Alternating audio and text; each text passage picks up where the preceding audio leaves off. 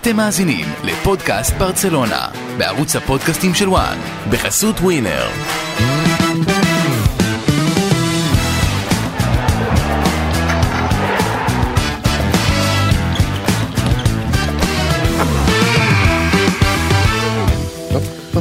שעת בוקר מוקדמת, אחרי הפקקים המתישים של להגיע לרמת גן, אני פה עם אה, גל קרפל, אני ניסים חליבה כמובן, כן, אבל הרגענו באנרגיות שיא. אנרגיות שיא, אחרי... אחרי הפקקים. נעשה סדר, אנחנו פה בגדול לסכם כן. את שני המשחקים האחרונים של ברצלונה.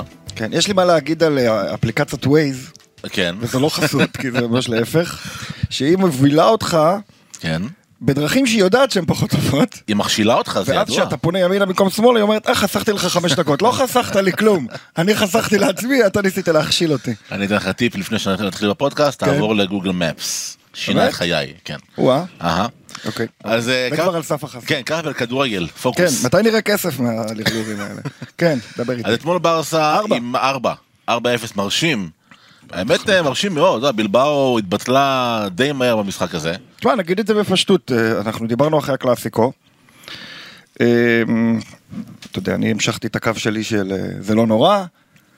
לא נעים, לא לא, נורא. לא נעים, לא נורא, צפוי להפסיד לאינטר, צפוי להפסיד לריאל, צפוי לא לעלות באלופות בכזה בית, לא צריך להיבהל, ועכשיו המבחן של צ'אבי, אתה נשמע עכשיו כמו לבנדובסקי, אנחנו נדבר עליו בציטוט אחר כך. כן?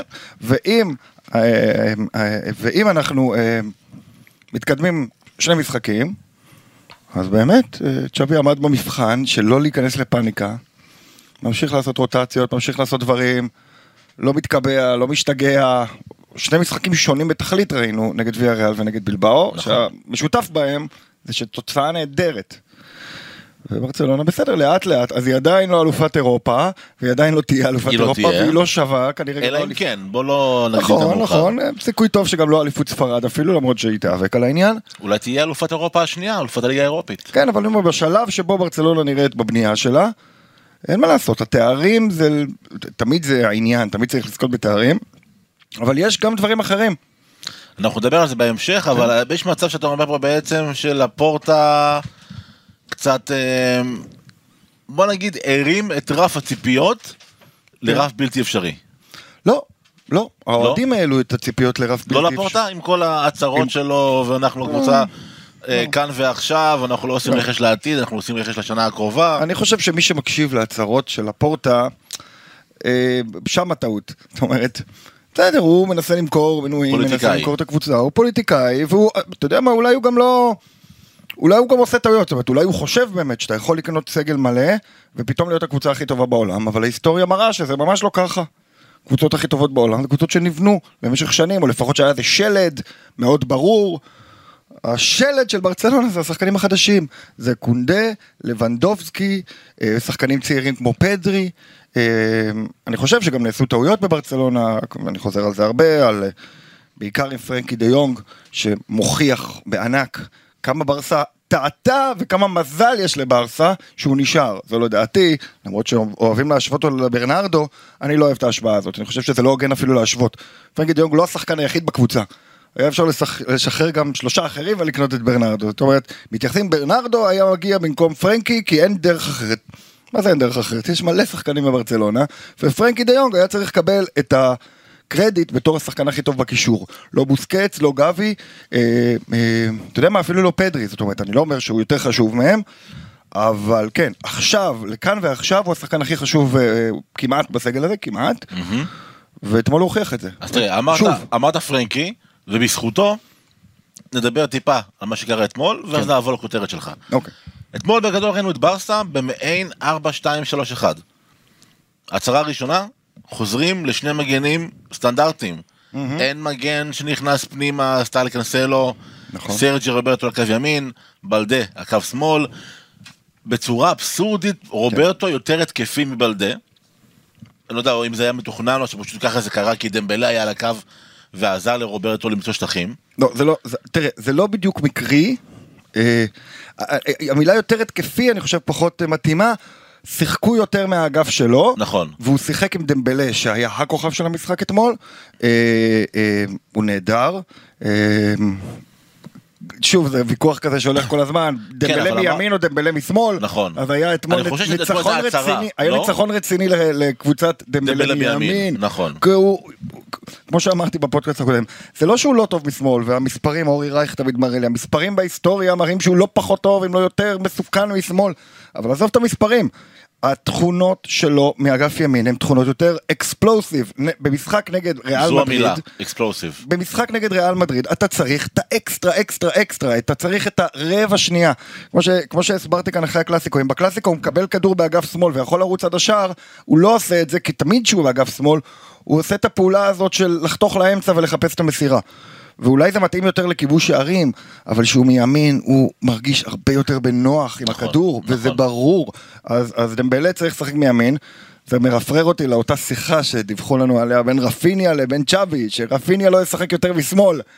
אז אם רפיניה טורח ללכת לצ'אבי כדי לבקש ממנו לא לשחק יותר משמאל, לא במקרה לדעתי, רפיניה נשאר בחוץ. להגיד- שזו הצהרה, תראה, כן, אה, להגיד, אתה יודע מה, אתה לא בשמאל, אז בסדר, אתה נכון. קשר ימני השלישי הכי טוב בקבוצה, ושיהיה בהצלחה. עד שתבוא? אליי ותגיד לי. לא, אז אני אומר פרן, אבל לא משנה, לא, אני אומר, זאת כאמירה מעצבנת. הבנתי אותך. אתה רוצה לשחק מימין, בסדר, אז תשחק מימין, כשיבוא לי כששחק מימין, כשדמבלה אולי יהיה פצוע, הוא יותר טוב ממך. אני מצפה שרפיניה יחזור לצ'אבי ויגיד לו, צ'אבי חשבתי על זה. אולי כן, לא רוצה- אולי כן נשחק בשמאל. אני לא רוצה לחפור על צ'אבי, כי אני אחפור עליו כן. בכותרת שלי, אוקיי. ונחפור עליו בכותרת שלך, כי בצורה מסוימת שתיהן מתקשרות כן. לצ'אבי, כי הוא הבוס, כן. והוא מנהל פה את הסגל הבלתי, לא בלתי, אבל קשה מאוד לניהול, נקרא לזה ככה. ו- ואתמול ראינו את ברסה עם שני פיבוטים מאחורה, גם בוסקץ, גם פרנקי דה יונג, וזה כאילו, כאילו הייתה הצהרה של צ'אבי, אני מכיר ביכולות של שניכם, בואו תראו לי ביחד איך אתם משתלטים על המשחק. אני אגיד לך מה הקטע של- צ'אבי, והכותרת שלך אגב היא שינוי טקטי. שינוי טקטי, כן. וצ'אבי, במשך, מאז שהוא הגיע בגדול, הביא את הרעיון של שלושה בלמים, ככה זה היברידי כזה, שלושתם מנהלים את המשחק מאחורה, ולפניהם פיבוט אחד, בוסקץ.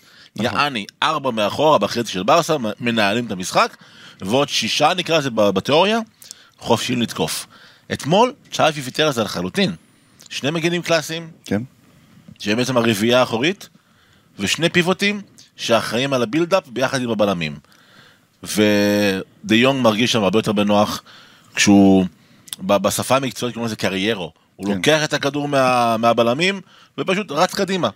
כן. הוא עדיין כושל לפי דעתי במה שנקרא ראייה רחבה, לפעמים יש את הכדורים הארוכים שהוא צריך לראות והוא לא רואה, אבל אני חושב שהוא הצהרה מבחינת שווי, פרנקי דה יונג, כן. ואני חושב... אגב, גם לבוסקץ היה משחק טוב. אני חושב מצוין. טוב מאוד. ואני חושב שההצהרה פה, שזה גם דבר שאתה אומר וגם אני אומר, ואני חושב מתחילת העונה, הם צריכים לשחק ביחד. בוסקץ ודה יונג יכולים גם לתת את- לפדרי את החופש. יפה, אז תראה, זה חלק משינוי טקטי יותר גדול, והכותרת שלי למשחק הזה, אתה כן. אומר שינוי טקטי, זה ככה אמרתי את זה בשני מילים, אבל אני אגיד את זה בצורה קצת יותר... תוסיף עוד, תוסיף שתי אותיות. זה השינוי כן. הטקטי. השינוי הטקטי. לא, הסיפור הוא, צ'אבי עושה ריאל מדריד. הופה, כן. צ'אבי זו למד... חתיכת כותרת. כן, צ'אבי למד מהקלאסיקו.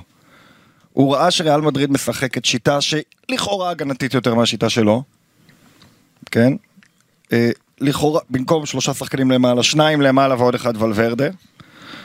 ורואה את ריאל מדריד לא שולטת בכדור בגלל זה, אלא יוצאת למתפרצות יחד עם זה, והוא אומר, מה זה הפוך מה, ממה שלימדו אותנו, כן? זה... או שאתה משחק עם הרבה שחקנים למעלה ואז אתה יוצא למתפרצות, אבל כולם למטה ובועטים למעלה לשחקנים המהירים. לא, ריאל מדריד עושה גם וגם. כי הטקטיקה של ריאל מדריד הרבה יותר מתוחכמת מזאת של ברצלונה, ואתמול את ברצלונה ראינו עושה ריאל מדריד, שפדרי, כמובן בשינוי והתאמות, פדרי בתפקיד ולוורדה. משחק באגף שמאל, אבל יורד לאמצע לעזור, גם בהגנה, חילוצי כדור.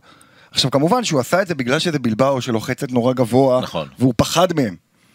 אבל לדעתי הוא גילה פה משהו. הוא עלה על משהו שאני, וברצלונה לא יאהבו להגיד שזה לעשות ריאל מדריד. זה לשנות את השיטה לשיטה הרבה יותר מודרנית. ואם אנחנו מדברים על דינמיקות של טקטיקה, וטקטיקה מפתיעה, ריאל מדריד עולה בהרבה על ברסה. וראינו את זה בקלאסיקו עם העליות של קרבחל. נכון.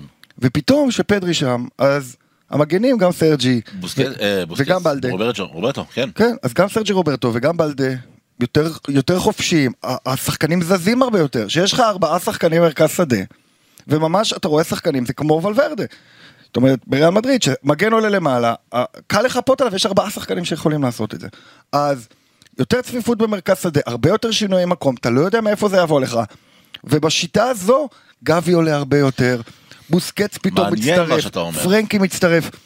אתה לא יודע מאיפה תבוא הצהרה. יש לי שאלה אליך. כן. האם אתה חושב שיש מצב שצ'אבי עשה פה מה שנקרא overthinking, עם כן. כל השיטה של, של ארבעה מאחורה שהופכים לשלוש, ואז המגן השמאלי הופך להיות winger, ואז... בהגנה של- כן. בהגנה overthinking זה אסון. ופתאום הוא חוזר, נקרא לזה ליסודות די בסיסיים של כדורגל, נקרא לזה 4, 2, 3, 1, אוקיי? לא, אז אני לא אומר די בסיסיים, כי אני חושב שמה שהוא עשה אתמול עם פדרי, זה חיקוי של מה שריאל עושה עם ולוורדה, וזה לא, לא חוכמה, זה חוכמה גדולה, זאת אומרת, זה דבר, זה סוג של חידוש טקטי בכדורגל העולמי. אנחנו לא כל כך מכירים את זה. שחקן שהוא גם כנף, שהוא הכל. גם אמצע, שהוא נותן למגן הימני להיות כנף, שהוא מחפה על המגן הימני, אנחנו לא רגילים לראות את הדבר הזה, ו... ו אז אני לא חושב שזה ה basic של הכדורגל, לא, זה טריק די חדש שריאל מדריד די הציגה לעולם, לפחות ל- לרמות הגבוהות ביותר, בתור הדבר של בטח השנה. התפקוד של ול- ולוורדה הכי טוב בריאל מדריד. עכשיו, הוא הכי טוב בריאל מדריד בתפקיד הזה, וצ'אבי לומד. וצ'אבי לומד, והוא אמר פדרי יכול לעשות את זה, ואני חושב שזה הרבה יותר מגוון, הרבה יותר מעניין, לכאורה יותר הגנתי, אבל הנה, לכאורה. נתנו ארבע. נכון. ושמענו לא פעם את, אה, בש, בחודשים, לא, בשבועות האחרונים, היו רכשים על צ'אבי שרוצה לשחק עם ארבעה קשרים, ואתמול ראינו את זה לראשונה, כן. אני חושב בצורה הזו, והבאת פה את ההשוואה הזו לריאל מדריד, אני חושב שזו הש- השוואה מבריקה, לא חשבתי עליה, פתאום הוולוורדה שהוא גבי, שהוא פדרי, או גבי, אחד משניהם זהו, זה יכול, משתנה, זה יכול פשוט- להיות אה, זה- לעשות- הדינמו הזה. אתה יכול לעשות הרבה גרסאות, אבל יש לך גם שחקנים שנשארים מאחורה. כן, אני חושב ש- שריאל ש- שברצלונה נראתה מצוין. אה, ובכל זאת, איך אה, אתה מוביל אותי נהדר לכותרת שלי. כן, זהו, בוא, בוא, בוא נלך לכותרת שלך. טיפה מוזיקלית, אני אשאיר את זה לא? אה, תשאיר בטח. כן? אתה מכיר את השיר של The Weeknd? Oh, I'm blinded by the lights. אה, יפה, כן, הייתי, לא? אה, לא, לא, לא, מה פתאום, לא, לא, זה 2010. The Weeknd, אבל- ה vibe- ה vibe הוא 80s, כן, בדיוק, שיר גדול. אה, כן, 2020 יותר, לא כן, 10. לא, כן, שיר חדש, כן. אבל ה vibe הוא 80's. כן, ה vibe הוא 80s, בדיוק. ופה, אני עוד פעם, אני חוזר גם אחורה קצת, אמרנו שתי קבוצות לשתי ליגות, קבוצה לצ'מפיונס, קבוצה כן. ליגה הספרדית.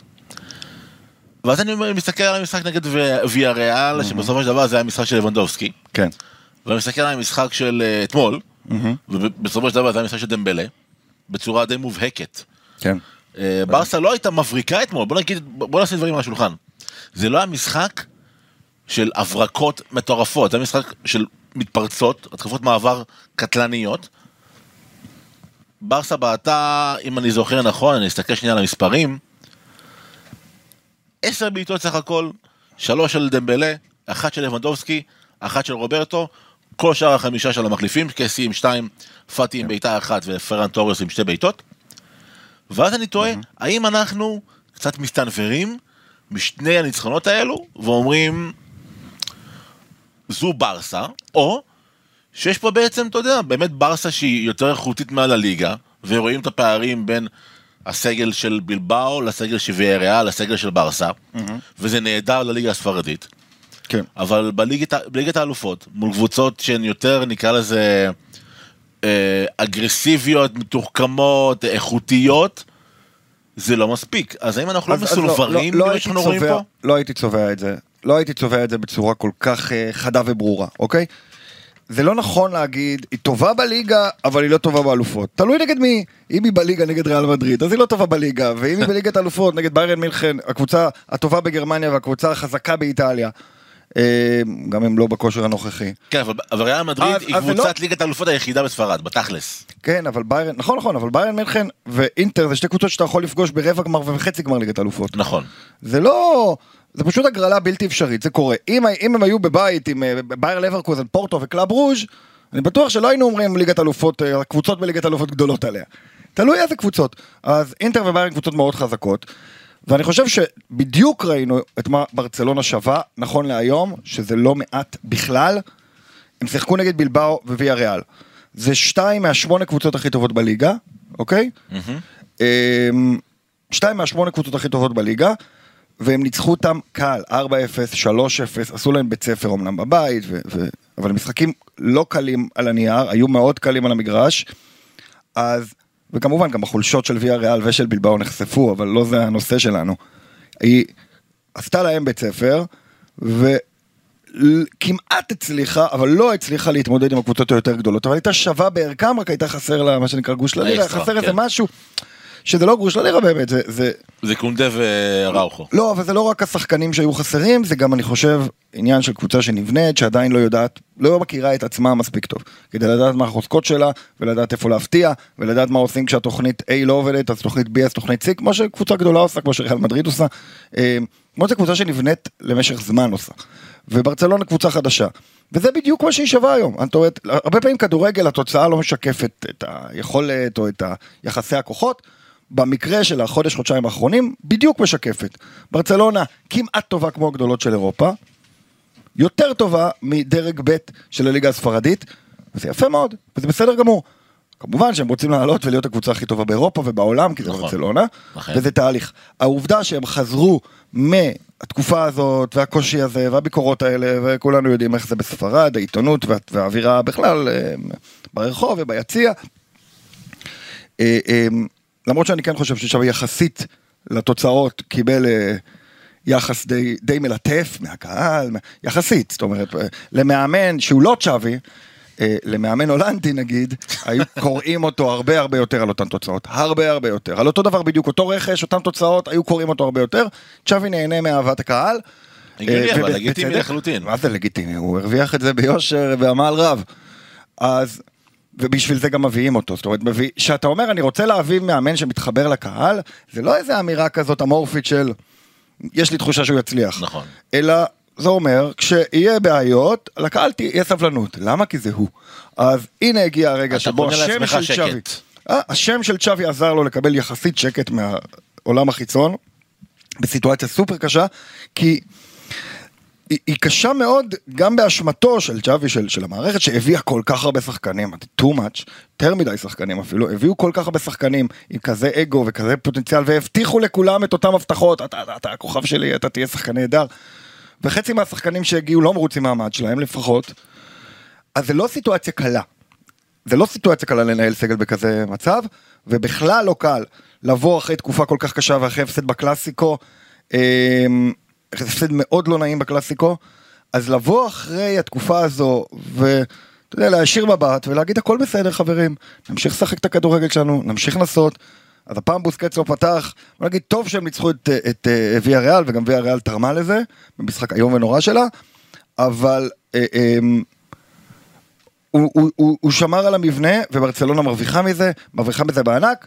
אמ, גם עשה שינוי טקטי בין ניצחון 3-0 לבין ניצחון 4-0, שזה דבר גדול. נכון. זה דבר גדול, לא הרבה מאמנים יעשו את זה. הוא לא בא בפחד, ופתאום פעם ראשונה, אתה יודע מה, תמיד אני אומר, אנחנו לא יודעים אם צ'אבי מאמן טוב.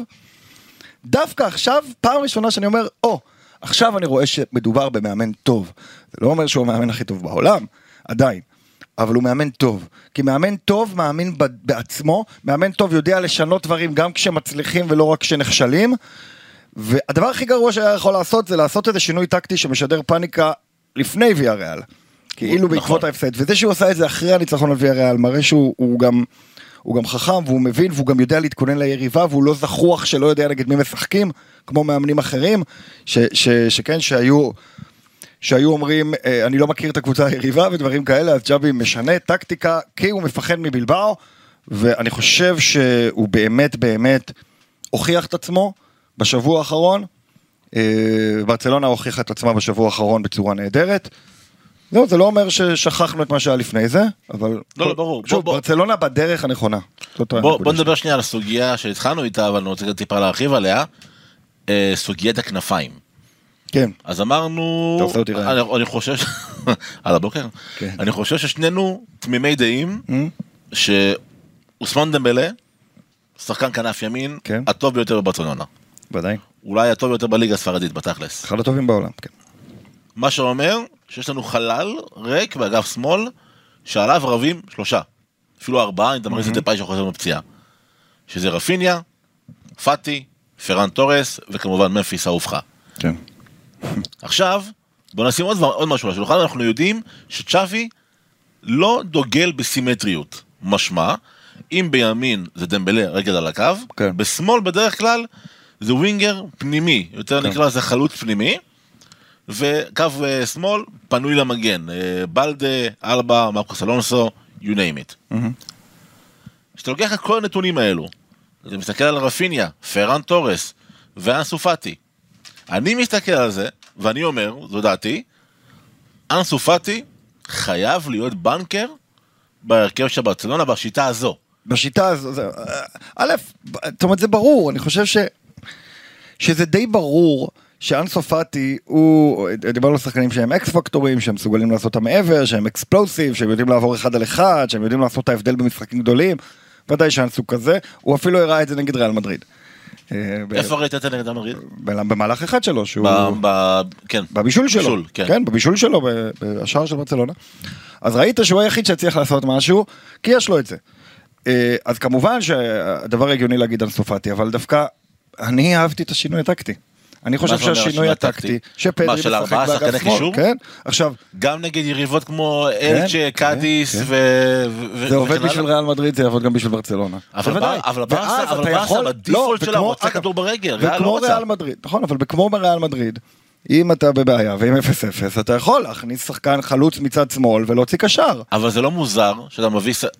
זה מוזר שאתה בונה סגל לא... שישה שחקני התקפה איכותיים, נכון, ואתה בסוף אומר, הקישור שלי פחות איכותי ביחס להתקפה, נכון. ועדיין אני מאמין- מאמין יותר בקישור מאשר בהתקפה. א', מצב הקישור הוא גם לא רע. הוא לא רע בכלל, הוא מצוין אפילו, מצוין. אה, אבל אני מסכים איתך, לא מספיק. זאת אומרת, אם אה, צ'אבי רוצה לעשות את השינוי הטקטי הזה קבוע, אני ממליץ לו, אה, אז יש לך בעיה של חוסר איזון בסגל. ודאי, יש לך בעיה של חוסר איזון בסגל, ויש לך יותר מדי שחקני התקפה. מה שאמרת לא פעם בתחילת העונה. כן, יש לך יותר מדי שחקני התקפה, יש לך לא מספיק שחקני קישור, בגלל שקסיה, וקסיה זו נקודה, אני מאוד לא נהניתי לראות את קסיה, גם אתמול. הוא כן, נראה הוא מנותק הוא לחלוטין. נראה לא מחובר וכל נכון. הדברים האלה, אבל לדעתי, ואני, ואני חוזר ואומר, חוסר החיבור שלו נובע מזה שהוא לא מקבל חליפה תפורה למידותיו. אלא הוא בא להיות סוג של פדרי, זה לא הוא, זה לא מתאים לו. עכשיו, אני אסביר קצת, במילאן הוא היה משחק מעל החלוצים, מה שנקרא אה, קשר קדמי. אבל באיטליה ובאנגליה ולעומת ספרד, התפקיד הזה של קשר קדמי הוא אחר לגמרי. והדוגמה הכי טובה שאפשר לתת כדי להבין למה אני מתכוון זה יאיה טורה. יאיה טורה בברצלונה היה קשר אחורי גרזן שאי אפשר לעבור, קשר אחורי שגם יודע לבנות התקפות יפה. באנגליה, במנצ'סטר סיטי, הוא פתאום היה קשר קדמי, חלוץ נהדר, נות- נותן גולים. עכשיו, הוא עשה תפקידים די דומים, פשוט הליגות הן שונות, למה אני מתכוון? כשיא באנגליה, לדעתי יום אחד הוא יהיה באנגליה, יכול להיות שכבר בינואר, אה. אה, לדעתי, ושם הוא יהיה קשר קדמי. וקשר קדמי בליגה האנגלית עושה הרבה הגנה, המון הגנה. לחץ גבוה. כי הכל צפוף, כי זה אגרסיבי בצורה בלתי רגילה. והוא נכנס לרחבה כחלוץ שני, בדיוק, אז, הוא, תנועות, אז, כן. אז כמו שיאיה טורה היה בסיטי, הוא יורד אחורה, כן, כמובן הוא לא ברמה שם, אני לא אומר שהוא עדיין ברמה ושהוא אי פעם יהיה ברמה, אבל עקרונית, כן. קשר קדמי בליגה האנגלית זה שחקן שצריך לעשות המון הגנה, הוא צריך להיות מאוד מאוד קשוח, הוא צריך להיות חזק בטאקלים, ובחוכמת המשחק שלו עולה למעלה כ trailer מאחורה. בליגה הספרדית קשר אחורי יכול להיות גם שחקן כמו פרנקי דה יונג, בהחלט, שחקן שהוא לא עד כדי כך אגרסיבי, הוא לא עד כדי כך פיזי, אבל הוא עולה למעלה, או, או במילים אחרות, קווין דה ברויינה אם היה בברצלונה היה צריך לשחק קשר אחורי, לא קשר קדמי, בונה משחק. כי סגנון המשחק הוא אחר. אז כסיה, ה- ה- התפקיד הזה של קשר קדמי, הפדרי הזה, בכדורגל ספרדי, בטח ברצלונה, זה, זה להיות free agent כזה, זה קצת כמו אינייסטה, זה כזה, אתה מסתובב על המגרש, אין לך המון עבודה מהבחינה הזאת, כמובן צריך ללחוץ, צריך לעשות דברים, אבל זה לא לשרוף את הדשא. צריך לחכות לכדור וברגע האמת לעשות את הקסם. להיות יצירתי כל הזמן, כסיה הוא לא השחקן הזה. אמנם במילאן הוא שיחק קשר קדמי, אבל במילאן קשר קדמי, ותראו את המשחקים שלו במילאן. המון המון תיקולים, המון המון התכתשויות באמצע לא יודע שדה. אם קדמי זו הגדרה, נראה לי box to box זו כאילו ההגדרה המושלמת אוקיי, כן. לכיסי. לא, אבל אני מתכוון שכסייה לא עליו נשענה, זאת אומרת, לא הוא זה שנשאר מאחורה ועשה מטאטה. ו- בקיצור, לדעתי בברצלונה הוא צריך להיות בתפקוד אחר. אמ, זה איזושהי התגלגלות שהתחילה כאשר הוא הגיע באפס כסף, באמצע העונה, אה, בלי רעש וצלצולים, קסיה לא מקבל את הכבוד שמגיע לו בברצלונה בעיניי. אה, ונכון, הוא, הוא לא קשור, הוא מרגיש שהוא לא בעניינים, ואני חושב שיש איזו חליפה שלא נתפרה למידותיו. אבל העניין של קסיה הוא באמת שולי יחסית. אוקיי, לפני שנעבור אה, לשחקנים הבולטים של המשחקים האלו, אמרת מילה קריטית, כבוד. כן. ג'ורדי אלבה לא מקבל כבוד. ראינו אותו משחק נגד ויה ריאל, לפי דעתי הוא היה מצוין. נכון. היה אחד השחקנים היותר טובים על הדשא. נכון. אתמול שיחק אה, בלדה, ששנינו אוהבים לקרוא לו ארבדה משום נכון, מה. אה, הוא היה בסדר, הוא היה טוב, אבל הוא לא היה ג'ורדי אלבה של ויה ריאל. ואז אני מסתכל על ההרכב של ברסה. אבל הוא היה טוב מאוד, זאת אומרת, הוא היה טוב, הוא היה טוב, הוא לא- הוא לא טעה, הוא היה מאוד דינמי, הוא פרץ על האגף. הוא טעה רק מעט מאוד, והוא עשה הרבה דברים נהדרים. נכון, אבל עדיין הרגיש לי מבחינת... אה, אם יש מגן שמאלי בברצלונה שיכול לחדור הגנה, במסירה שלו, זה ג'ורדי אלבה. איפה הוא היה בקלאסיקו? לא יודע. לא, לא שיחק. עכשיו, אז זה בדיוק, זאת אומרת, זה עניין קריטי בעיניי, אבל זה לא היה לא- בהרכב. אבל, אבל זה, זה מעבר לרוטציה, הזה- זה נראה לי שזה לא, ברור. אני אומר- מינהלתי, כסף, אתה לא תשחק, לא, אם לא... לא חושב. כי- אתה לא כי חושב שזה הסיפור? אם זה רק יהיה מנהלתי כסף, אז הוא היה משחק נגד ריאל מדריד והיה נח נגד ויה ריאל. אני חושב שבאמת שווי אה, מאמין בבלדה, ו- וכמו שאמרנו פה אגב בפודקאסט אחרי קלאסיקו, הוא מאמין בבלדה והוא טועה במובן הזה, זאת אומרת, בלדה שחקן נהדר ויהיה שחקן נהדר והוא מתקדם והכל טוב. אבל נגד ריאל מדריד הוא טעה. כי יש לך את ג'ורדי אלבה, אגב גם יש לך את מרקוס אלונסו, יש לך שחקנים כל כך מנוסים, כל כך טובים, אה, ובלדה באמת מהדקה הראשונה בקלאסיקו, היה, היה לו קשה, היה לו מאוד קשה, וריאל מדריד די חגגה עליו. אז, אה, אז כן, אז, אז פה צ'אבי טעה, אבל אתה יודע מה, אני רוצה לדבר על הצד השני, שזה? שזה מאוד מאוד חשוב לדעתי לדבר על זה, כי תזכרו פעם הבאה שאתם לוקחים מגן בברצלונה או בריאל מדריד, בשתי הקבוצות, וקוראים אותו כאילו נגמרה לו הקריירה, כל הזמן עושים את זה, עושים את זה כל שנה. אתה רוצה להגיד תחשבו- דני קרבחל. ו- אז אני רוצה לדבר על על. על, על דני קרבחל ועל סרג'י רוברטו. סרג'י רוברטו מגן ימני טוב. נפלא. אתמול היה טוב. היה טוב אתמול, הוא כל התקופה הזאת הוא טוב, והוא פותר בעיה. עכשיו נכון שברצלונה כשלה במרכאות כפולות בזה שלא הבינה מגן ימני, כי אין לה מספיק. אבל סרג'י רוברטו פתרון לא רע עכשיו, זה לא שהוא שחקן ענק, הוא עוד יעשה טעויות, הוא לא השחקן הכי מהיר בעולם, הוא לא... אבל ראית, הוא חכם, הוא מבין עניין, הוא יודע מתי לעלות ואיך לעלות, יש לו את זה. עכשיו, הוא שנים בקבוצה, הוא יודע איך לעשות את זה, הוא מנוסה מאוד, ואני אומר, דני קרבחל רמה מעליו. אני לא אומר שהוא ברמה של קרבחל, אבל הוא שחקן טוב, והניסיון להעביר את קונדה למגן ימני ולעשות את כל הדבר הזה, אני דווקא חשבתי שקונדה יהיה מצוין כמגן ימני, אבל אני חושב שהאמת, כן. שקונדה הוא בלם. קונדה כל החיים שיחק בלם. ואם אתה רוצה ללכת על בטוח לבנות זה, לקחת את קונדה בגלל כישרונות הבלמות שלו אה, מסביליה, שהוא היה ענק בתפקיד הזה, ואתה צריך לתת לו לשחק בלם, והסיבה היחידה שקונדה הוא מגן ימני זה כאילו כן פתרון, וזה מאוד מאוד לא אידיאלי. אז כשקונדה משחק בלם, סרג'י רוברטו מגן ימני, אני חושב שזה נכון לעכשיו עובד מצוין, ופשוט רציתי להגיד את זה של המהירות הזאת שבה אנחנו, אותו דבר על ג'ורדי אלבה. המהירות הזאת שבה אומרים להעיף אותו, לה- אתה יודע שלא הולך, אנחנו מכירים את זה גם בכדורגל הישראלי, בכל כדורגל. כשלא הולך כולם אשמים, ואז בעיקר לוקחים את הכוכבים, ולוקחים את השחקנים המבוגרים, נכון. שזה 28 ומעלה בדרך כלל, ואומרים צריכים לפרוש. ו- וזה סתם, זה סתם, זאת נטייה מגעילה של אוהדים לזלזל גם תקשורת, מחפשים כותרות בכוח, אתה לא, יודע, נכון, וחבל. מחפשים לרדת, ו... ו- ו- אז סרג'י רוברטו לא צריך לפרוש, ודני קרבחל לא צריך לפרוש, וג'ורדי אלבה לא צריך לפרוש, הם שחקנים טוב, וגם בוסקץ לא צריך לפרוש. נכון. אנחנו כל כך ממהרים לעשות את הדבר הזה. אז הנה בוסקץ לא שיחק נגד גביע ריאל, זהו, כנראה נגמר עידן בוסקץ. לא, אז הוא חזר נגד בלבאו, אבל זו, והיה נפלא. זו תרבות הרכש, אתה יודע, לא, לא נראה לך טוב לשנייה אחת, בוא נחליף. נכון. תרבות אה, נכון, אבל עם זאת- מקולקלת בעיניי, אבל כן, זה מה יש. אבל הם כן השאירו את השחקנים, ובסופו של דבר, הנה, מגיע צ'אבי וסומך אבל אמרת. סרג'י רוברטו, ואנחנו כבר יודעים שבקיץ הקרוב ברסה רוצה מגן ימני בכיר, זו המילה, top.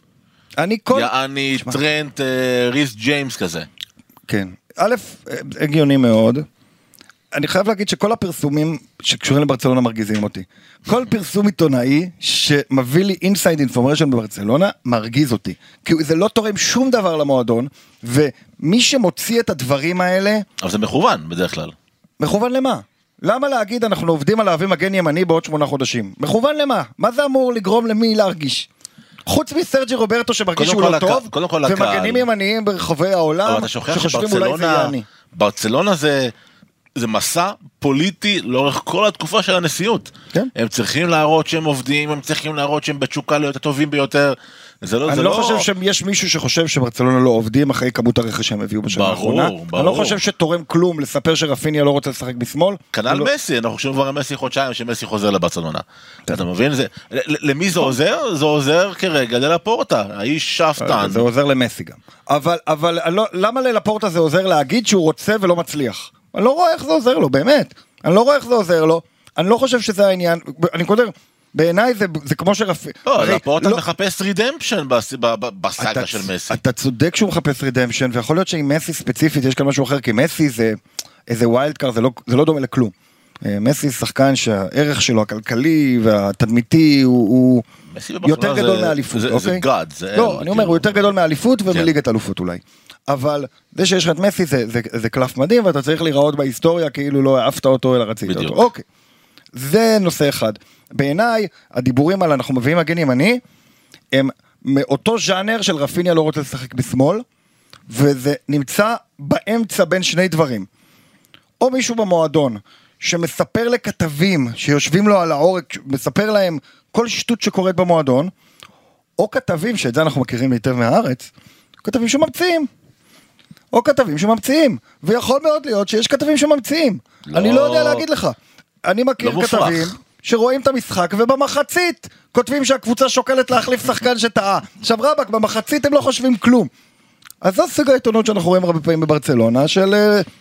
אתה יודע, סרג'י רוברטו יעשה טעות, כעבור חמש דקות יעלו כותרת, מחפשים מחליף לסרג'י זה רוברטו. מה שהיה עם בוסקץ לפני שבועיים. כן, בדיוק, בדיוק, בדיוק. בוסקץ נשחט בתקשורת. נשחט, לא, אז אני אומר... וזה בוסקץ, אז לפחות חיכו לדקה- הגדול בהיסטוריה של ברצלונה. בדיוק, אז לפחות חיכו לדקה ה-90, אבל, אבל, אני אומר, בוסקץ, פעם ראשונה שחטו אותו אחרי הזה, פעם שנייה בגלל שהוא לא פתח נגד ויריאל, כבר חגגו את סיום הקריירה שלו, והנה הוא חוזר, וחוזר בגדול. ופה הקרדיט לצ'אבי, שצ'אבי נראה במובן הטוב, לא קורא עיתונים, לא מתעניין בשטויות האלה, יש לו את הדרך שלו, ועוד יותר אני אוהב שהוא לא הולך לתקשורת ואומר אתם טועים בוסקץ ענק. לא, בוסקט צריך להוכיח את זה על הדשא. לא צריך להוציא את הכל החוצה כל הזמן. אה, אה, אתה יודע, שקיפות זה דבר אחד, אבל לכבס את כל הכביסה המלוכלכת בחוץ. למה להגיד שאתה מחפש מגן ימני בכיר, כשיש לך מגן ימני שרץ ועושה עבודה טובה? אז אני לא רואה בזה ערך, ואולי ז'ול קונדה ישחק מגן ימני, ואולי נגלה במשך העונה שז'ול קונדה המגן הימני הכי טוב בעולם. אה, א', ואולי זה סיטואציה שז'ול. קונדה ישחק מגן ימני בנבחרת צרפת, ויהיה הכוכב של המונדיאל.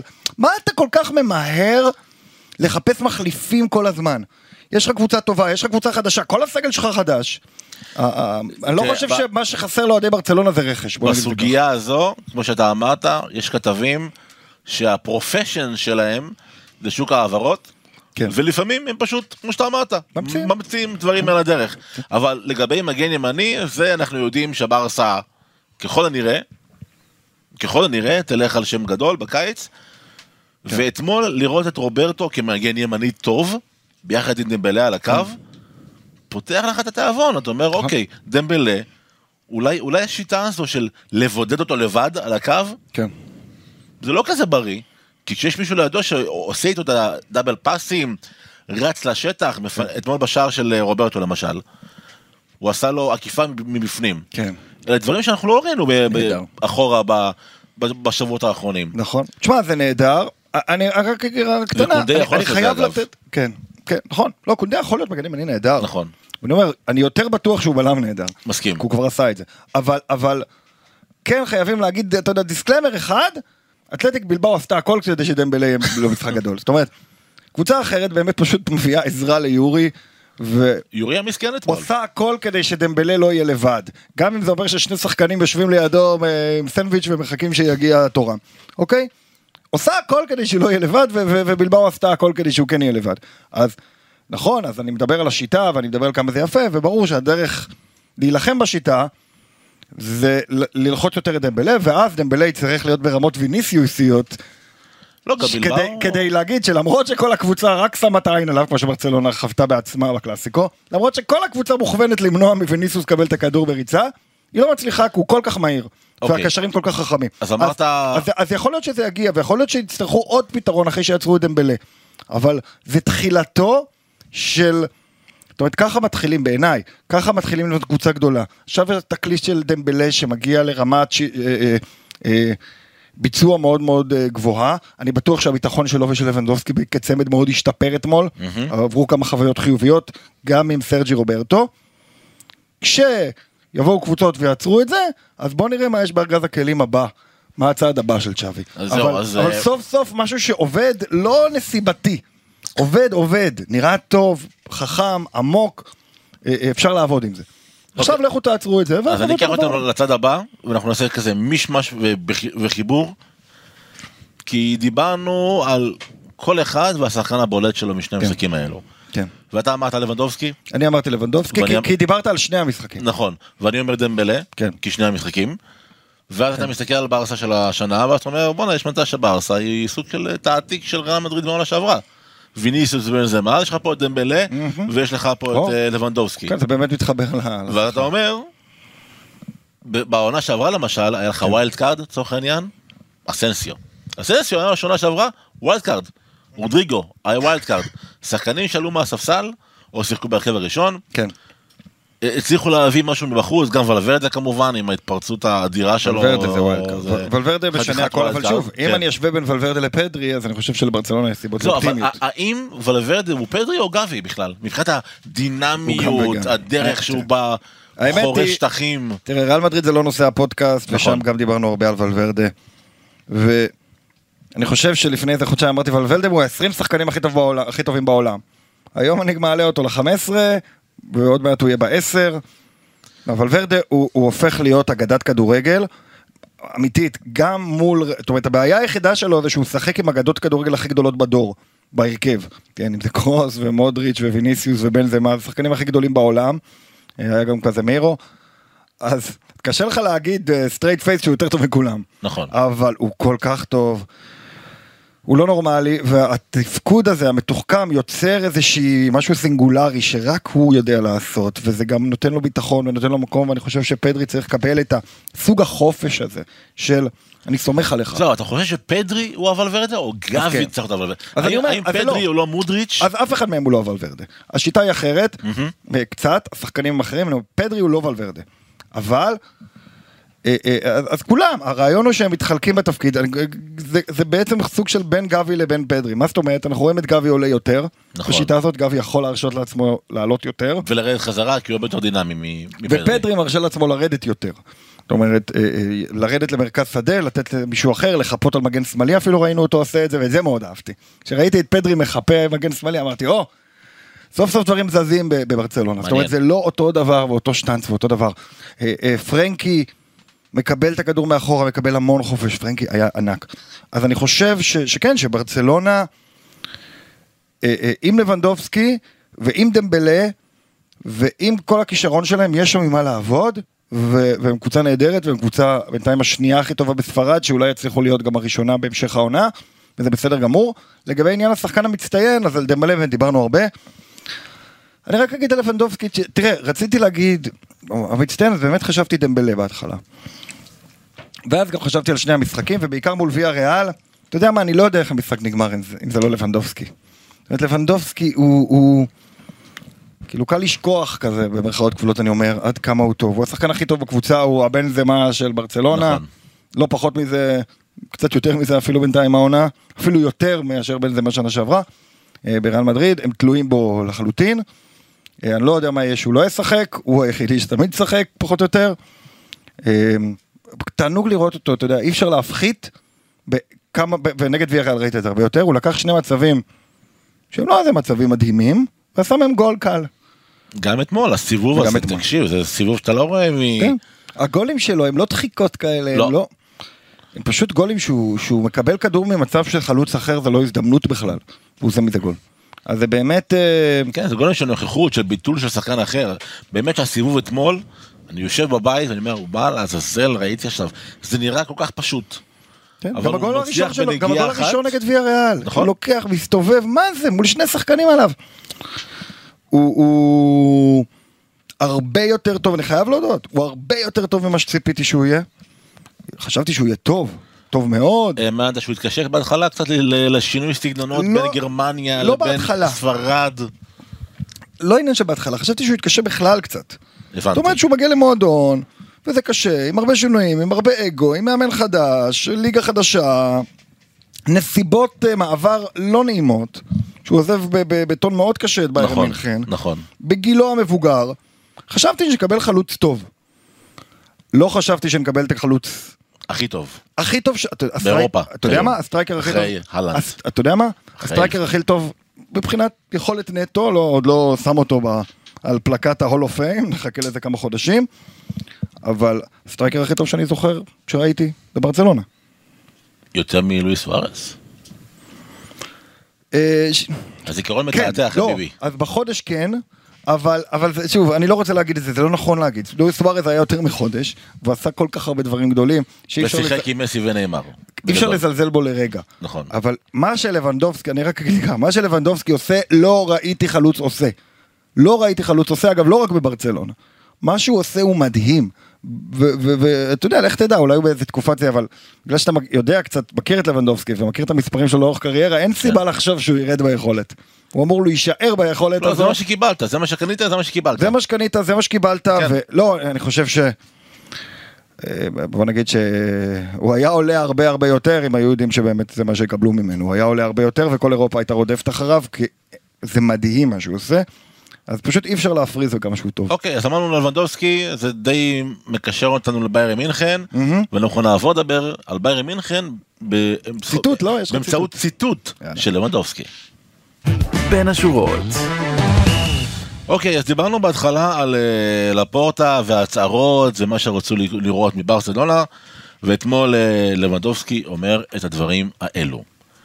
כשהגעתי לפה ידעתי שזאת קבוצה בבנייה, ושהיא לא מוכנה לזכ- כבר לזכות בתארים. זה לא משנה. אני נותן הכל בשביל ברסה, הכל בשביל שהיא תצליח, כי יש לקבוצה הזאת פוטנציאל. אז לבנדובסקי הוא לא רק שחקן גדול, הוא גם אומר את הדברים הנכונים. הוא לא היה אומר את זה לפני הקלאסיקו, בחיים. אבל עכשיו, הוא אומר את זה, ידעתי. עכשיו, הוא לא היה אומר, ידעתי שנפסיד לאינטר, לביירן, לריאל מדריד, לא, לא ידעת, אבל זה בדיוק הגישה. הוא ספורטאי ענק, והוא מבין את העניין, והוא יודע שעכשיו הנמכת ציפיות זה הסיפור. אה, חכה חודשיים, או לא חודש, חודשיים של כדורגל, אה, אחרי המונדיאל, וברצלונה פתאום תהיה מקום ראשון בליגה, אז הוא לא יגיד לך, אני ידעתי שהגעתי למקום שלא יזכה בתארים. הוא יגיד לך, אה, אם נעשה את זה, זה יהיה הישג ענק, ואנחנו מקווים שנצליח. כן. אז אה, זה פשוט עוד הוכחה לזה שלבנדובסקי מיושר עם הקו של הקבוצה, ואני חושב שהציטוט הזה בדיוק מביא את הרוח שצ'אבי הביא למשחקים. שבוא נמשיך, בוא נעשה, בוא לא נילחץ. נתנהג כמו ברצלונה, נבוא למשחקי בית, אה, נשלוט. בכדור, ובונים פה משהו, בדיוק, ואתה רואה איזה רוגע ואיזה שקט ואיזה ביטחון שבא דווקא אחרי התוצאות הלא טובות. הרכש של לבנדובסקי, אתה יודע, לאט לאט אתה רואה שברסה לא רכשה רק חלוץ גדול, היא גם רכשה מנהיג. כן. אה, הוא, הוא, הוא נותן שקט לקבוצה, אתה רואה שהוא מדרבן את הקבוצה, נכון. הוא לא צורח לשחקנים למה לא מסרת, ההפך, הוא אופי- מחפש את המסירה כל זה הזמן. ברור מאוד שיש לו אופי נוח ונהדר על המגרש, שכיף לשחק איתו. אני אומר, כל זה לא היה, לא היינו קוראים לו מנהיג אם הוא לא היה כל כך טוב. נכון. זאת אומרת, זה לא שהוא מביא שחקנים מהדשא ואומר להם יאללה יאללה. אה, לא, הוא נחמד מאוד, ולראות שחקן שהוא כל כך טוב ועדיין כל כך אה, נעים ונחמד על המגרש ויש בו איזה משהו שמרגיש מאוד נוח, זה דבר נדיר. אה, אבל שוב, היכולת זה הסיפור. זאת אומרת, האופי שלו, עם כל הכבוד, לא היה שווה כלום אם הוא לא היה עד כדי כך טוב, והוא עד כדי כך טוב. זה ברור. אז אוקיי, אז ברצלונה יוצאת, לא יוצאת, יש להם משחק, נכון. אתה יודע מה, אני רוצה להגיד מילה אחת. שוט. שדיברנו כמעט על כל הסגל ועברנו כמעט על כל? השחקנים, ויש שחקן אחד שאני רוצה להגיד לו מילה רעה, מילה רעה? כן. אוקיי, מי זה? וכאילו אין הרבה מילים רעות לחלק אחרי כזה משחק, אבל אריק גרסיה, אוקיי. אכזבה. אה, אה, צ'אבי, מכל הבלמים, מכל הבלמים, הבלם שלו, השחקן שלו זה אריק. ראינו, הוא שיחק בכל המשחקי הכנה. מה. אכזב אותך אתמול באריק? בכולם, הוא עשה כמה טעויות איומות בעיניי. הוא לא שם. אני לא מרוצה ממה שאני רואה מאריק.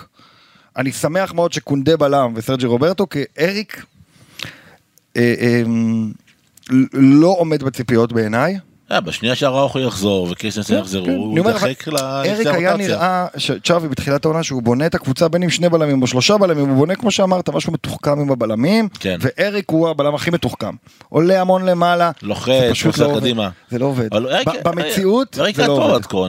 אני גם מנסה להסתכל אחורה על אתמול, אני לא זוכר שהיה שם איזה יש לו מסירות טובות, יש לו הגבהות טובות. משהו קריטי במשחק, לא, לא, במשחק שלו. אה, אולי פספסתי. אה, לא, זה פספסת, כי כי זה היה בעיקר ב- בדקות מנומנמות, מהמם. ואריק, מה זה טעויות? הוא מוסר את הכדור בטעות לזה, כל מיני כאלה, מין- וזה לא רק שם, לא יודע, אני, אני חושב שאריק אה, אה, קצת פחות טוב, שוב, אולי הוא יוכיח שאני טועה, ופשוט אה, פה ושם הוא טעה, ולא נורא, אבל אה, אני, אני חושב שאריק לא צריך להיות בהרכב, באמת, אני מחכה שזה יהיה רחוב אוקיי, אז דיברת על הרכבים, אז או בוא... קריסטיאנסן, גם. אוקיי, אז בוא בוא נמשיך עם ה- עם התזה הזו של הרכבים. יום רביעי, ברצלונה מארחת את ביירן מינכן למשחק שיכול להיות כבר בהתחלה של המשחק חסר חשיבות לחלוטין, כי אינטר משחקת לפני זה נגד פלזן, כן. ואם אינטר מנצחת די, לא די, נגמר הסיפור נקודה. אני מניח שזה מה שיקרה, וזה משחק שהוא... אתה יודע מה, זה קצת אה, מצחיק להגיד, אבל כמעט עדיף לברצלונה שזה מה שיקרה, מהבחינה הזו, שזה יהיה מין משחק שהוא אה, משחק משוחרר? משוחרר לשתי הקבוצות. כן? אוקיי, אז בוא נראה ככה. אגב, משוחרר, אתה יודע, אתמול קראתי, שהיה משחק אה, לפני הרבה שנים, אה, משחק פרידה, אה, הוקרה, ליוהאן קרויף, ביירן נגד אייקס, וזה היה משחק ידידות. כן. וביירן באו למשחק הזה כמו משוגעים, חולי נפש, בכל הכוח, כן. ניצחו 8-0 את אייקס, טוב, זה כן משוגעים. כן, ויוהאן קרויף אמר, בחיים שלי לא ראיתי דבר חסר כבוד כמו זה. אז אה, אה, גם אם ברסה תבוא משוחררת ביום רביעי, גם נבחרת גרמניה הביאה לישראל, כמה זה היה? תשע? לא. זה לא נעים, זה לא נעים. אה, אז אבל הגרמנים אה, בכדורגל, אה, בלי רפרנסים היסטוריים שמחוץ לכדורגל, בכדורגל, הם... אני אוהב את זה, זאת אומרת, אהבת המשחק היא כל כך גדולה, הם נהנים, הם חוגגים. מה זה לכבד את היריבה? אז תעביר כדור כזה. 30 דקות, אנשים באו לראות את המשחק. תנסה לעשות עוד אחד ועוד אחד ועוד אחד ועוד אחד, ואם הקבוצה השנייה, ויוהאן קרויף, עם כל הכבוד, תגיד לשחקנים שלך להתחיל להרביץ. אם הקבוצה השנייה לא משחקת אחורה וזה, אז יאללה, תתחיל להילחם. קשוח, אה, כן. לקבל שמונה בבית זה קשוח. אבל בוא נראה, אה, כן. לא, אתה לא, מבין? לא, לא, לא, לא הלכתי לכיוון של שמונה של ביירן, אבל יצא כן. שיהיה לא, אבל אתה מבין מה אני. אומר, זאת אומרת, צריך להילחם וצריך לצאת בכבוד מהמשחק, אבל זה לא משחק כל כך חשוב לברצלונה. אז אוקיי, אז לקראת יום רביעי, יש לנו אה, משחק, אמרת, לא כל כך חשוב, תלוי בתוצאה, לא בתוצאה של. אה, אינטר נגד פלזן, נכון, ל- לביירן אגב הוא יהיה קצת יותר חשוב. אבל- ובוא נראה מה אומרים החבר'ה שלנו בווינר לקראת המשחק. כן. ברצלונה עם 2.10, תיקו 3.4, או, ביירן מינכן 2.5 קרפל, איפה אתה שם את הכסף שלך? אני רוצה את הרווחים הגדולים ביותר, יש לך תיקו? בטח. בטח. אתה רואה פה תיקו?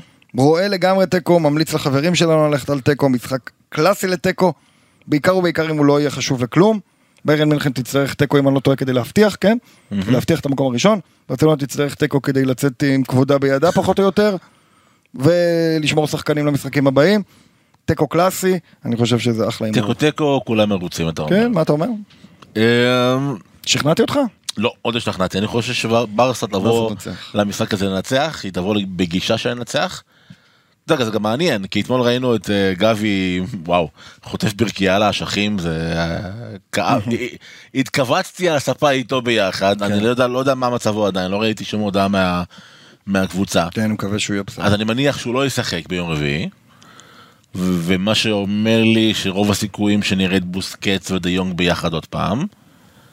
מה שאומר שפדרי ישחק לפניהם. הבעיה היחידה של צ'אבי זה הסיפור הזה שהם לא בטוח שהם עפו. עד שהוא קובע את ההרכב. כי אני חושב שהיה מאוד נוח לצ'אבי לא, לפתוח. אם הוא רואה בשעה שמונה וחצי שכבר, אה, או. תשע, שאינטר קוטשת אבל אם את... 2-1 אה, לאינטר, או 1-1, אני לא חושב שהוא בכלל צריך להסתכל על זה, הוא צריך להסתכל על המשחק הזה, כמו גמר- כמו גמר, או ל- לנצח, לא משנה מה. לא, אני לא חושב שזה כמו גמר, ואני לא חושב שהוא צריך להתייחס למשחק הזה כמו גמר. לא, אה, ברסה בבית מול ביירן מינכן שהשפילה. אותה מכל כיוונים, מכל הכיוונים מה, תשמיל אותה. חזרה? לא, אבל תחזיר את כבודך, לא בתוצאת אני רואה את תיקו, המשחק הזה, אלא תעלה עם כל התותחים הכבדים. אני רואה את המשחק הזה הולך בתור אה, אה, שביירן מובילה 1-0, ברצלונה מחזירה ל-1-1, ושתיהן מבינות את הרמז, וזהו. כי, ואני חושב שזה נכון לשתי הקבוצות.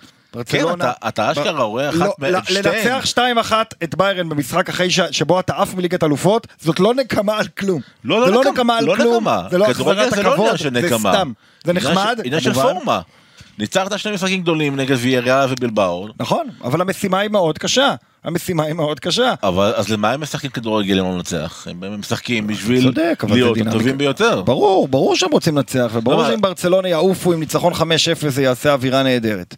אבל כשאני מסתכל על העונה של ברצלונה, אני הייתי רוצה לראות את קסיה פותח קשר אחורי במשחק הזה. כיסיה. כן, הייתי רוצה לראות את קסיה פותח אוקיי, קשר אחורי. הייתי רוצה לראות את פרן פותח, הייתי רוצה לראות את רפיניה פותח. אה, אתה הולך על רוטציה מלאה. אני הולך על רוטציה, כן, ודאי. הולך על הרכב שני. ודאי, במשחק כזה. לך על רוטציה, יש לך עוד משחקים קשים. שים לב, יש לך ולנסיה בחוץ שלושה ימים אחרי. עם כל הכבוד, זה משחק הרבה יותר חשוב. ואחר כך יש לך את. פלזן. כן, שזה משחק על לא, כלום. עזוב, פלזן זה באמת תפתח עם נכון. קסיה גם חלוץ, גם קשר וגם שוער. אבל, לא, אתה יכול להיכנס שם עם, עם שוער מחליף. אבל, ויכול להיות שהיא תעשה את זה, נכון. כן? היא תבטיח את המקום השלישי כבר. אבל, כן, המשחק נגד ולנסיה בחוץ יותר חשוב מהמשחק נגד ביירן מלחם בבית, ואני חושב שהוא צריך לעשות רוטציה. עכשיו, אוקיי, אז תמנה לי את להרוויח. ה-11 של- את ה-11 שלך. אני מאוד רוצה לראות את קסיה קשר אחורי. כשיתחיל ללמוד את דווקא אחרי התפקיד. שאמרנו שהוא נראה כל כך מנותק. כן, כי הוא נראה מנותק כי הוא לא מתאים לתפקיד שבו הוא משחק. זאת הזדמנות מצוינת בעיניי, אה, אה, לתת לקסיה לשחק. אוקיי, תעשה לי. סדר. שוער טרשטגן, מגן שמאלי, בלדה או ג'ורדי אלבה. אה, ג'ורדי אלבה, ג'ורדי אלבה. או מרקוס אלונסו. שיהיה קצת ניסיון. אתה יודע מה מרקוס אלונסו. יאללה, מרקוס אלונסו, כי הוא קיבל הרבה קרדיט בליגת אלופות. נכון. בלמים, גרסיה וקונדה? או פיקה? פיקה לא חוזר להרכב. לא, די פיקה, די פיקה. די פיקה. לא יכול לראות אותו. לא, לא, גרסיה וקונדה זה אחלה. מגן ימני, סרג'י רוברטו? יש לך עוד משהו בשבילי? אה, פיקה. סרג'י רוברטו. אה, כן, בלית ברירה. אוקיי, אז סרג'י רוברטו. אנחנו ממשיכים עם 4, 2, 3, 1? בראש שלך? כן, אנחנו משחקים קסיה קשר אחורי לצידו של בוסקץ. יפה. אנחנו משחקים בקישור ההתקפי עם... לא יודע, פדרי? פדרי. חסר לי עוד מישהו, לא? כן. לא, אתה צריך אה, לא יודע להגיד. winger ימין, קשר התקפי, winger שמאל. כן, כן, אז אני משחק בשלישייה אמרנו של רפיניה, פרן תורס, לבנדובסקי, וואו, אוקיי. אז אתה אומר פדרי באמצע, מחצית. רפיניה בימין, פרן תורס בשמאל, לבדובסקי בחוץ. כן, משהו כזה, כאילו, שוב, תראה, אני, אני, קשה לי קצת להגיד, קשה לי קצת להגיד בדיוק מה ההרכב, כי אני רק אומר דבר אחד, הייתי שמח לראות את כסיף משחק בקישור, אה, זה משחק שלא נורא לאבד. עכשיו, לא צריך לחטוף חמש, כן? אבל אם אתה מאמין בו, תן לו את האמון לשחק נגד ביירן, ברמות הגבוהות, אל תשחק נגד אלמריה קשר אחורי, כי זה לא שווה כלום. כסיף, אם אתה רוצה? לבדוק אותו, אם אתה עדיין מאמין בו, אתה צריך לתת לו דווקא נגד היריבה הכי קשה שאתה יכול, ויש לברצלונה, יש לצ'אבי הזדמנות. זה גם משחק לא קריטי, אוקיי. וזה גם נגד קבוצה אחת הטובות בעולם. וזאת הזדמנות לבדוק דברים, מעניין. לא על יבש, לבדוק אותם זורם על. הכי רטוב שיש. אני זורם איתך, תראה מה אני הייתי עושה. אני, אוקיי, אוקיי. בשביל לזרום איתך. אוקיי. ג'ורדי אלבה, גרסיה, קונדה, סרג'י רוברטו. זה בהגנה. קישור אחורי, בוסקץ ודה יונג. פדרי נח, כי הוא נראה מותש מהחיים שלו. קסיה, על השמונה מתחת לחלוץ- פדרי נח אהבתי. זה- מתחת לחלוצים אתה צודק ככה שזה להכניס נכון, דינמיות. אבל קסיה מתחת לחלוצים? אתה אמרת שבאיטליה הוא שיחק סוג של box to box, box to box התקפי. לא, אבל הוא צריך הוא צריך תן- לשחק לו אחד- להרביץ לקימיש ול- הוא צריך לשחק מאחד משני הקשרים. הוא צריך לרוץ הרבה. תן לו לרוץ, הוא יוריד הרבה אחורה, ילך קדימה, ייכנס לרחבה. כן. פאטי בשמאל אגב, אני יכול להיות, הולך, יכול, אתה דמבלה יודע- בימין. אתה יודע ולא מה שאני יכול- מקבל בזה שקסיה קשר קדמי זה, אבל שלא ינסה לחקות את פדרי. לא, שיהיה ש- יותר שיהיה- קשר שיהיה אחורי, כיסא. יותר קשר אחורי שלישי, או קשר מרכזי שלישי, מאשר קשר קדמי. ככה אני הייתי רוצה לראות את את- גם ביירן מינכן קבוצה מאוד מאוד מאומנת. קבוצה שבלי קשר למאמן שלה, רצה כבר הרבה שנים ביחד. יש הרבה הגנה לעשות נגדה. נכון, ואתה אמור לכסות המון שטח, יש שם המון תנועה בלי כדור. אני חושב שזה משחק שקסיה צריך להראות את היכולות שלו במאבקים במרכז שדה. הייתי שמח לראות אותו פותח בהרכב.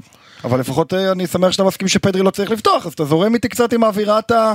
זה לא המשחק הכי חשוב של ברצלונה. לא, אני, ממש אני, לא. אני אגיד לך מה הקטע, אני אתמול הסתכלתי על אה, פדרי, דקה, אני חושב 15 היה עליו אה, צילום תקריב, בן בן אדם נראה כמו מומיה, נראה גמור, באמת, כן. נראה גמור. כן. אתמול הוא לא היה טוב, הוא היה מאוד לא, הוא לא- פרווה. הוא לא מרגיש בנוח בכלל. אולי, בכלל. אולי, הבחור הצעיר הזה צריך קצת לנוח ולא יקרה כלום אם הוא ינוח במשחק כמו שאתה אמרת שלא קובע כלום בסופו של דבר. כן. כי ברסה סביר להניח, כן. אלא אם כן הכוכבים אתה יסתדרו. מדבר- אתה מדבר על פדרי. מה אמרתי? לא, לא, אני חושב, אה, אני חשבתי שאתה. מדבר על קסיה. לא, לא, מדבר על פדרי, פדרי. פשוט זקוק למנוחה, ואם במשחק כזה לא נכון, יקרה כלום. אה. הסיבה היחידה שאמרתי פדריק זה כי לא היה לי רעיון אחר, כי אנחנו מגלים פה שלברצלונה אין מספיק שחקני קישור כשהיא משנה, אה, בטח שהיא משנה. כן, פה עולה השאלה מה קורה עם פבלו- טורס, אתה יודע, רוטציה, רוטציה, רוטציה, היררכיה, לא יודע היררכיה, היררכיה, והבן אדם לא רואה כדורגל, לא רואה לא- דשא. כן, אבל אני לא יודע להגיד עד כמה הוא טוב באמת. הוא מוכשר וזה לא אומר לנו יותר מדי. ראינו אותו אתמול, ראית משהו ממנו? הוא הרים? קרן, היה מאוד יפה. נכון, קרן יפה. זהו, זה, זה. לא, לא, לא. אני לא יודע מספיק כדי להגיד שהוא צריך לשחק. אני חושב ש... הייתי שמח לראות אותו משחק כדי לדעת איך הוא, אבל, אבל אנחנו לא יודעים איך הוא. לא באמת. ברסה הייתה צריכה להשיל אותו לפי דעתי, אבל אה, בסדר, אולי- אולי הוא יקבל עוד אה, כמה דקות. לפני שפאטי יפתח. לפני שנסכם את הפרק הזה. אמרתי רפיניה ופרן, אז אני כן. מתחרט, זה פאטי. פאטי ורפיניה. אולי פרן חלוץ מרכזי גם נגיד במחצית במקום לבנדובסקי כדי לא, לבנדובסקי נגד ביירן. אתה לא רוצה לשים אותו על הספסל, תן לו ליהנות מול חבריו לשעבר. אני קצת רוצה לשים אותו. אני קצת רוצה לשים אותו על הספסל, לא בטוח שלבנדובסקי בא צמא דם. הוא יכול להיות שעדיף ללבנדובסקי לא- לא- לבנדובסקי לא לעבור את זה. צמא דם כל הזמן, הוא רוצה שערים. לא. אבל הוא רוצה שערים. אבל לא, לא נקמה, הוא רוצה לנצח. נגד ביירן, אם הייתה לי הזדמנות דווקא לא לשתף אותו, הייתי לא משתף אותו. מצד שני, זה ליגת אלופות, וזה משחק בכל זאת, שהרבה מאוד אנשים רואים, ו... תשמע, גם אנחנו אומרים פה משהו אחד בעייתי, כי ברור שצ'אבי לא יכול להגיע במנטליות שאני מדבר עליה. צ'אבי כן. לא יכול להגיע במשחק, ברמה, באווירה של זה משחק לא חשוב. הוא צריך קודם לחכות לראות מה קורה עם אינטר. כן, ואם במקרה אינטר בדרך לתוצאה לא טובה, זה פתאום הופך להיות המשחק הכי חשוב של ברצלונה העונה. אז, אז צריך קצת, אה, אתה יודע, לקחת את זה בערבון מוגבל, הוא לא, לא הכי חשוב כי, כי הוא צריכה עדיין נס כדי לעלות, אבל ודאי מספיק חשוב כדי להילחם עליו. אז, אוקיי. אה, אז אני אומר, זו, זו ההסתייגות היחידה שלי, צ'אבי לא יכול להגיע כל כך רגוע, אבל שיהיה לו פלן A ופלן B, הפלן B היא זה שאינטר מנצחת, ואז הוא עולה עם השחקנים הקסיה, ואולי אפילו בלי לבנדובסקי, לא קרה כלום, אוקיי. בעיניי. אני נותן לך עכשיו אתגר. אגב, יהיה. בכוח אפילו לסיים בתיקו עם ביירן בבית עם הרכב כן. שני. קח- אתגר. זה יכול לתת לך דווקא... קח כן. אתגר. יש לך פסקה. פסקה לתת לי, כן, שאלה מהעוקבים. אוקיי. שאלה מהבית. כן. מה חסר לאוסמן דמבלה בשביל להפוך ל world class? הוא קרוב לשם. מה חסר? אה, לשחק קשר ימני כל משחק בברצלונה. אתה אומר עקביות. עקביות זה כל מה שחסר לו. עקביות. הוא שם מנטלית, הוא שם טקטית, אה, הוא שם במעמד שהוא מקבל. זאת אומרת, זה בידיים של יש לו צ'אבי. כימיה נהדרת עם לבנדובסקי. זה בידיים של צ'אבי. אם צ'אבי ייתן לו לשחק את ה winger הימין, כמו שוויניסיוס בשמאל, מה שאומר, לקח בעלות על האגף הזה, לא יוצא, לא משנה מה, דמבלה בימין, אה, לא, לא אפילו לא משנה מה. יכול להיות שדמבלה הוא מסוג האנשים שצריך כן לפעמים לרדת לספסל כדי לקבל drive חדש. מה, אתמול נראה כמו מסי. כל הכדור שלו באגף, לא צריך להגזים. אני אומר לך, כל כדור, הוא חותך לא, ימינה, חותך נכון, שמאלה, רץ על. הקו, מוסר את הכדור המעוקל הזה. נכון, מסי זה סטנדרט גבוה ולא כל להקה שמוציאה אלבום טוב הם הביטלס, הוא עדיין לא מסי. אבל הוא טוב מאוד, ומספיק טוב כדי להיות world class, הוא, הוא, הוא, זאת אומרת הוא כבר, בעיניי הוא אחד הקשרים, ה- הקשרים הטוב- הטובים בעולם, קשרים האגף הטובים בעולם. ואם הוא ימשיך להראות יכולת כזאת, ודאי שהוא כבר ב top top top של ה world class. ואני אני חושב שהוא מסוגל להמשיך להראות את היכולת הזאת, כי אנחנו רואים את זה בצורה עקבית, שוב ושוב ושוב ושוב. עקביות זה שם המשחק. כן, אני, אני חושב, אני רואה עקביות מדמבלה. בטח כשהוא משחק מימין. כל המשחקים שראיתי אותו בימין השנה, הוא היה נהדר. מבריק. אז uh, הוא, הוא מצוין ולא חסר לו כלום, הוא רק צריך לקבל את האמון לדעתי. מה אתה אומר? אה, האמת שפה שכנעת אותי. או. עקביות שם המשחק, אני זורם איתך לו, לחלוטין עם תן האמירה לילד הזאת. לשחק, תן לו לשחק, ואל תיתן לו יותר מדי לריב עם רפיניה. זה דברים אגב שיכולים להוציא אותו אל. תסבך אותו. פשטות. זה- אומר, שלך. הוא קצת. מסובך, כבר, כי יש לו גם את פארן וגם את רפינה שרוצים את התפקיד שלו, וזה vibe לא טוב כל כך, כן. וזה יכול להסיט אותו מהמסלול. אבל אה, תן לו, אגב, אם רפיניה אה, אה, עושה פרצופים ומתחיל את זה, פיני עושה פרצופים. רואים את זה עליו. לא, נכון, אז אני אומר, הוא גם שחקן נהדר רפיניה, שלא נכון. לא נכון. לא, לא, ברור לי. אבל יכול להיות שיהיה מצב שמתישהו פרו-רפיניה. צריך לשחרר את רפיניה כמה שזה עצוב כדי שדמבלה יפרח. אם זה לא יסתדר. אני מאמין שרפיניה צריך להפנים, כמו שאמרתי בתחילת ה pod, זה המשפט הראשון שלי בעצם. כן. אני רוצה שרפיניה ידפוק בדלת של צ'אבי, יחד עם העיתונאי שנמצא שם ב locker, ויגיד לו, חשבתי על זה, אני רוצה לשחק בשמאל. מעניין. תן לי, אני אשתפר, אני צעיר, אני אלמד. יש לי גם רגל ימין, יש לי גם דברים שאני יודע לעשות ברגל שמאל, תן לי. מעניין. אמ, אוקיי, אז... כן, יש לו אפילו רגל שמאל יותר טובה ממני. זאת אומרת, רפיניה צריך, הוא צריך לצאת מהסרט שהוא, הביאו אותו, אז לא מעניין אותו כלום, הוא רוצה להיות השחקן הכי טוב ברצלון. לא, חביבי, יש קשרים אני יותר טוב ממך. אז אה, אוקיי, אז. אה, אנחנו ניפגש אחרי המשחק נגד אה, ביירן מינכן. אולי, אולי, עם איזה נס קאמפ נו ספוטיפיי. כן. אולי. כן. ואולי לא, אולי פשוט חוזרים לשגרה והקרב על הליגה. ניסים אני לא חושב שיקרו שם, ניסים יקרה בהחלט. אמ, בסדר. נגד ולנסיה בחוץ זה המשחק היותר חשוב. נגד ונסטר. זה משחק לא קל. משחק לא קל. גל קרפל. היה לי לעונג. גם לי. שמו לנו את השיר שלנו. וואלה! איזה יופי. איזה מלך אתה. איזה מלך אתה יואב. כל הכבוד, כל הכבוד. בן אדם מקשיב. נכון, ראית? מאזין לפ- לפרק. טוב בוא נשמע את כל השיר. עזוב אותך מאיתנו. יאללה ביי חברים. שים את השיר עד הסוף.